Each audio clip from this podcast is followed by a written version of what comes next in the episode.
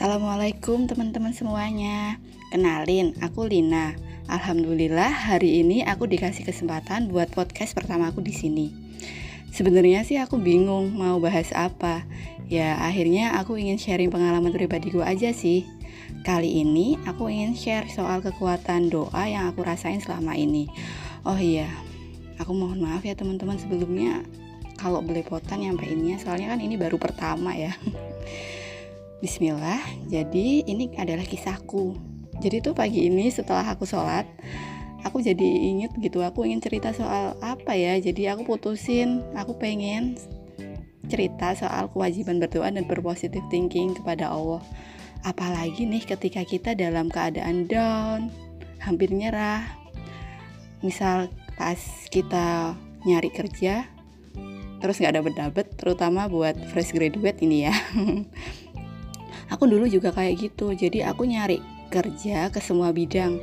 Aku masukin banyak banget lamaran terutama nih di bank karena memang ya banyak banget lowongan kerjanya. Waktu aku awal lulus itu doaku niatku pokoknya itu dapat kerja lah intinya dapat kerja cepet. Jadi nggak nganggur lama-lama gitu nggak terlalu spesifik gitu doaku. Tapi tiga bulan aku nyari kerja itu nggak ada satupun yang keterima ya aku hampir nyerah lah pastinya. Lalu itu aku muhasabah ya waktu di rumah. Kenapa aku belum dapat kerja padahal teman-temanku udah dapat semuanya?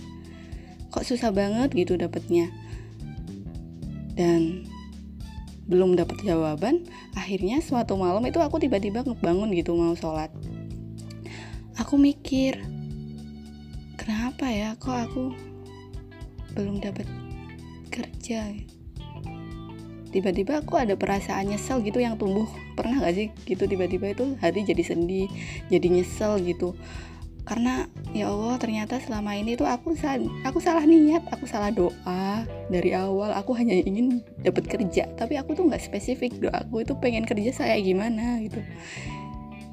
Dan aku juga sadar selama aku nyari apa ya berikhtiar untuk nyari kerjaan ini mungkin ada kerja uh, kesalahan yang aku lakukan gitu. Kayak misalnya harusnya kan aku nggak ber aku nggak berdadan yang begitu wah gitu ya. Tapi kenyataannya ketika interview di tempat bank atau di kerjaan finance itu kan harus good looking yang nggak ma yang mau nggak mau sih ya aku harus penampilan yang begitulah. Jadi aku ngerasa gitu kok selama ini kerjaan yang aku pilih malah berpotensi jauhin aku dari Allah gitu.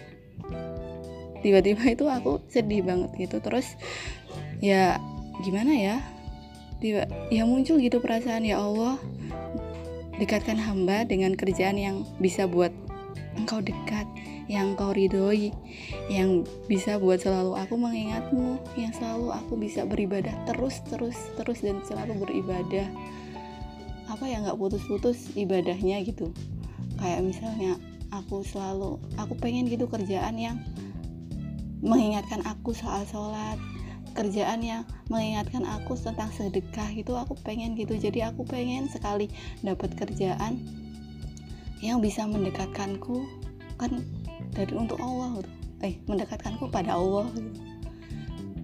Hanya itu doa aku pokoknya aku aku terserah pekerjaan apa aja yang engkau berikan. Ya Allah yang penting pekerjaan itu bisa mendekatkanku dengan engkau. Dan setiap ya bisa mendekatkan ke lah meningkatkan ibadahku kayak gitu. Soalnya aku ngerasa nyesel banget gitu. Ya Allah selama ini aku nyari interview buang-buang waktu dan aku malah jauh gitu dari Allah nah sejak malam itu akhirnya aku hanya berdoa itu aja. Aku ulang ulang terus. Aku ingin kerjaan yang hanya kerjaan yang bisa mendekatkanku pada Allah kayak gitu terus kan. Dan aku juga kan aku nyerah waktu itu ya. Wah apa nyerah banget kan ya. Sedih gitu kan nyerah. Tapi aku ingat aku aku berusaha positif thinking dan aku ingat bahwa Allah itu bakal ngasih kita rezeki dan tidak akan keliru rezeki itu mau dikasih di mana itu nggak akan keliru gitu loh. Allah akan ngasih yang terbaik untuk aku untuk kita semua. Karena Allah menyayangi kita. Nggak bakal lah orang yang eh, nggak bakal lah ya kita dikasih yang buruk gitu. Wong kita kalau sayang sama orang juga kita bakal ngasih yang terbaik untuk orang itu. Lah ini Allah. Pasti akan ngasih yang terbaik untuk umat yang disayanginya nah mungkin juga selama ini aku belum keterima kerja ya memang bukan rezekiku di situ. Belum yang terbaik lah dari Allah untukku. Aku yakinin aja itu. Dan alhamdulillahnya singkat cerita ya nggak sampai tuh ya dua mingguan nggak sampai. Itu tuh aku dapat banyak banget info lowongan lowongan kerja yang aku dapat itu semuanya di bidang pendidikan. Padahal nih aku nggak nyortir gitu. Jadi ada temen yang ngasih ada saudara yang ngasih dan semuanya itu di pendidikan. Dan alhamdulillahnya dari lowongan-lowongan itu aku dapat dua tempat dua tempat yang nerima aku. Satunya aku jadi mus guru sekaligus musrifah ya di pondok pesantren. Satunya lagi aku jadi laboran di kampus swasta yang insya Allah punya landasan Islam yang kuat aku bingung kan udah dapet kerjaan gitu terus aku milih yang mana? Dua-duanya menurutku sama-sama bagus. Lalu aku inget ya kalau ridho orang tua itu ridhonya Allah. Jadi aku kasih keputusanku itu ke ibu aku lalu lalu beliau milihin. Aku jadi laboran padahal tuh ya kerjaanku yang ini itu jauh banget dari rumah aku. Dan kerjaanku yang jadi guru itu itu deket dari rumah aku tapi ibu malah memilihin aku jauh dari rumah aku gitu. Tapi ya aku nurut aja sih karena itu ridho oh, ridho ibu ridho Allah juga ya. Ya aku aku itu bersyukur banget sih dapat kerjaan gitu. Itu kan yang anak fresh graduate rasakan itu ya. Alhamdulillah akhirnya nih setelah sekian lama aku bisa dapat kerjaan. Dan tahu nggak? Waktu aku interview di dua kerjaan itu bener-bener loh aku nggak dites soal akademik. Aku tuh nggak dites soal akademik yang harus mikir berat itu nggak. Ya Allah itu aku nggak apa ya ngerjainnya itu nggak sampai sih 30 menit ya sampai gitu. Dan itu tuh mudah menurut aku. Nah yang paling banyak banget dites di dua tempat kerja itu itu tuh tentang pe, pe, apa ya pengetahuan agamanya. Jadi nih aku dites soal itu baca Al-Quran, hafalan sholat, eh hafalan surat, cara sholat, soal kebiasaan dalam menjalankan ibadah, soal pemikiran dalam menjalankan perintah Allah. Jadi kayak debat gitu malah debat-debatnya itu tentang agama sih. Kayak lifestyle kita dalam menjalankan kehidupan beragama itu seperti apa sih gitu. Jadi di tempat-tempat itu itu sama proses rekrut rekrutmennya lebih diperdalam tentang ibadah tentunya ya. Misalnya nih ya, ada pertanyaan dari salah satu yang tempat rekrutmen aku itu karena rumahku jauh dari tempatnya, tempat kerjaan itu. Jadi aku ditanya, "Loh, kok kamu rumahmu jauh banget gitu loh? Untuk ke sini aja kamu butuh berapa nih ya? 5 jaman gitu kan. Terus gimana kamu sholatnya itu? Kan kamu berangkatnya misal pagi, terus kamu sampai sini eh nggak sih kalau kan berangkatnya misal jam 10 gitu toh. Terus kamu sampai sini kamu nggak bisa gitu ngelakuin sholat duhur kamu langsung sholat asar terus kamu gimana? Kayak gitu gitu. Jadi pertanyaan-pertanyaan yang tentang lifestyle kita dalam menjalankan kehidupan beragama itu seperti apa itu ditanyakan. Ya Alhamdulillah sih di kerjaanku yang ini yang diterima yang oh, ibu pilihkan ini ternyata memang bener-bener ya Allah itu bagus gitu ya pilihan ibu itu memang bagus. Jadi di pekerjaanku yang aku sekarang lakukan ini itu diwajibkan sholat berjamaah di saat duhur dan asar. Ada apa pengajian setiap Kamis. Ada doa pagi di awal minggunya. Jadi ya kita itu sangat diberikan kelonggaran dalam beribadah di apa di kerjaanku saat ini gitu Nah, alhamdulillahnya juga dari doa yang awal malam itu yang aku niatku aku rubah total itu akhirnya nggak sampai dua bulan tuh aku jadi berhasil dapat kerja dan diterima gitu loh.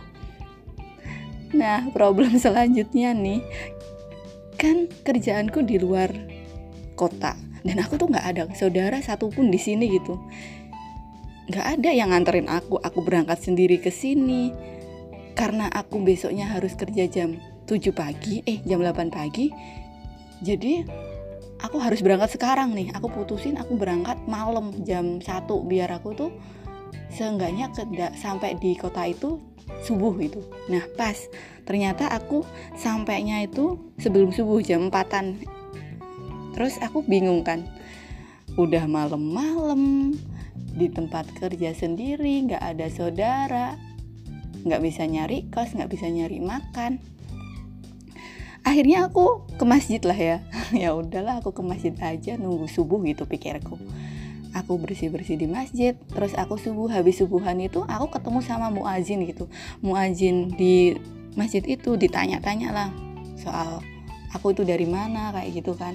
Nah habis sholat subuh itu aku mau keluar mau langsung cari kos gitu biar cepet di, biar pagi-pagi sekitar maksimal jam 9 lah aku bisa masuk kos gitu kan tapi malah sama muazinnya dicegah mbak jangan keluar. Kalau mau cari makan jangan pagi-pagi karena makanan kalau pagi itu nggak fresh gitu.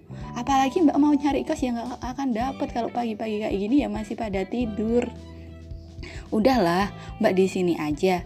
Mbak ikut pengajian gitu di sini nanti habis pengajian kan paling jam 9an udah siang. Jadi mbaknya enak nyari kosnya nyari makannya. Kan makanannya juga udah jadi kalau jam segitu mah. Muajinya bilang kayak gitu. Ya aku mikir ya oh ya udahlah ya. Toh aku juga bisa nahan lapar gitu. Sampai jam uh, jam 9 kan bisa lah gitu. Ya udah aku ikut akhirnya aku ikut pengajian. Nah masya allah banget menurut aku itu ketika aku duduk barusan aku duduk ternyata muazinnya itu ngasih aku jajanan gitu jajanan pasar. Dan itu banyak banget dua piring gitu. Dikasih teh anget dikasih susu anget dijamu banget aku di masjid itu. Pokoknya aku sebelum masuk masjid itu aku bingung gitu. Waktu aku belum sholat subuh dan aku memutuskan untuk di masjid itu aku bingung kan. Ya Allah aku di sini sendiri aku nggak ada saudara. Aku aku sendirian di sini ya Allah tolong temanin temenin aku. Hamba yakin hamba ini milikmu dan engkau selalu ada di dekat hamba. Pekerjaan ini adalah kerjaan yang engkau pilihkan dan engkau akan selalu berada di dekat hamba dan akan memudahkan hamba untuk melaksanakan pekerjaan ini.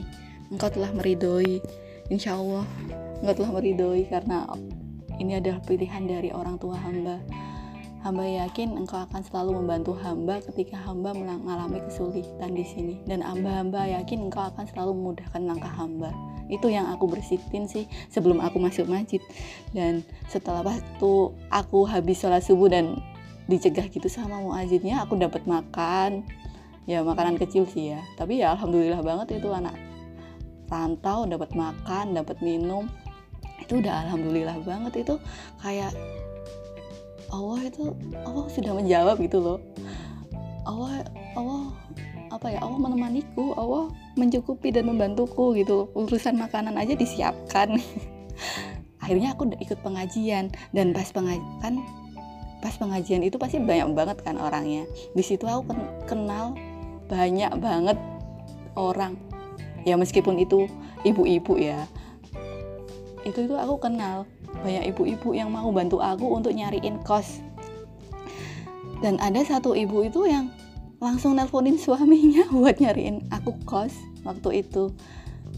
Ada juga sih mahasiswa yang mau bantu dapat apa nyariin aku kos gitu. Dan akhirnya aku milih minta bantuan mahasiswa sungkan aku sama ibu-ibunya gitu toh setelah pengajian itu aku kira ya udah ya selesai ya selesai langsung aku keluar gitu. Ternyata enggak. Setelah pengajian itu dapat makan. Alhamdulillah banget. Aku bisa sarapan.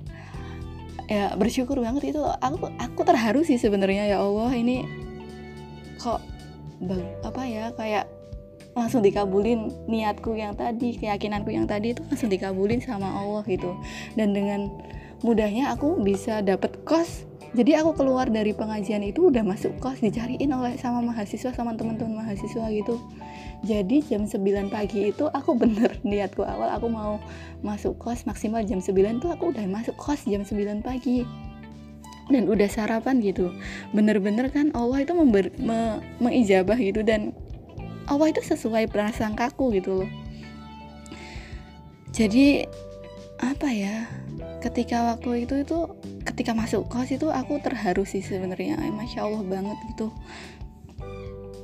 Ini tuh kayak ngebuktiin gitu bahwa Allah itu nggak bakal ninggalin hambanya. Allah itu selalu sesuai dengan prasangka hambanya. Kayak gitu. Jadi aku yakin aku bakal selalu ditemani dan dibantu Allah dan kebukti kenyataannya memang aku bisa masuk kos itu jam 9 dengan mudah banget gitu. Jadi kerjaan ini memang kan kerjaan yang dipilihkan ibu ya. Yang ridho ibu orang tua adalah ridho ibu. Eh salah. Maaf maaf. Ridho ibu adalah ridhonya Allah gitu. Ya kalau Allah udah meridhoi ya semua berjalannya lancar banget gitu terus aku juga ya waktu itu apa ya? Sebentar teman-teman aku jadi lupa.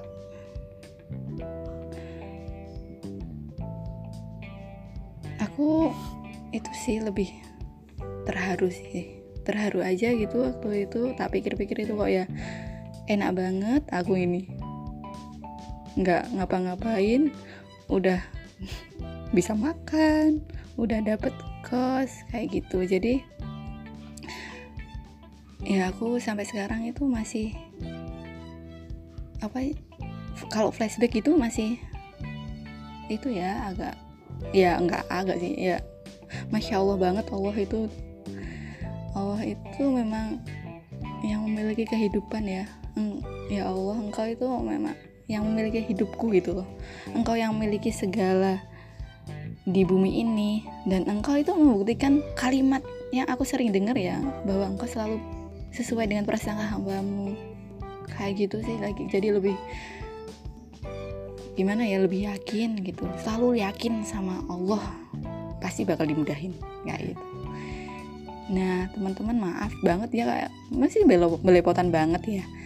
Jadi aku podcastnya juga kayak gini aja jadi apa nyeritain pengalamanku ini. Jadi intinya aku ingin sih dicerita inti dari ceritaku ini itu buat aku sih aku ingin nge-share gitu bahwa apa ya kalau dalam jalanin hidup ini kita itu nggak boleh sedetik pun jauh dari Allah. Niatkan hidup ini untuk selalu berusaha membuat Allah jatuh hati pada kita. Yakin bahwa Allah selalu ada di dekat kita Allah selalu membersamai kita, membantu kita, menolong kita. Tidak akan pernah Allah ninggalin kita. Dan yang utama itu jangan putus doa. Kuatkan doa. Share semua ke Allah.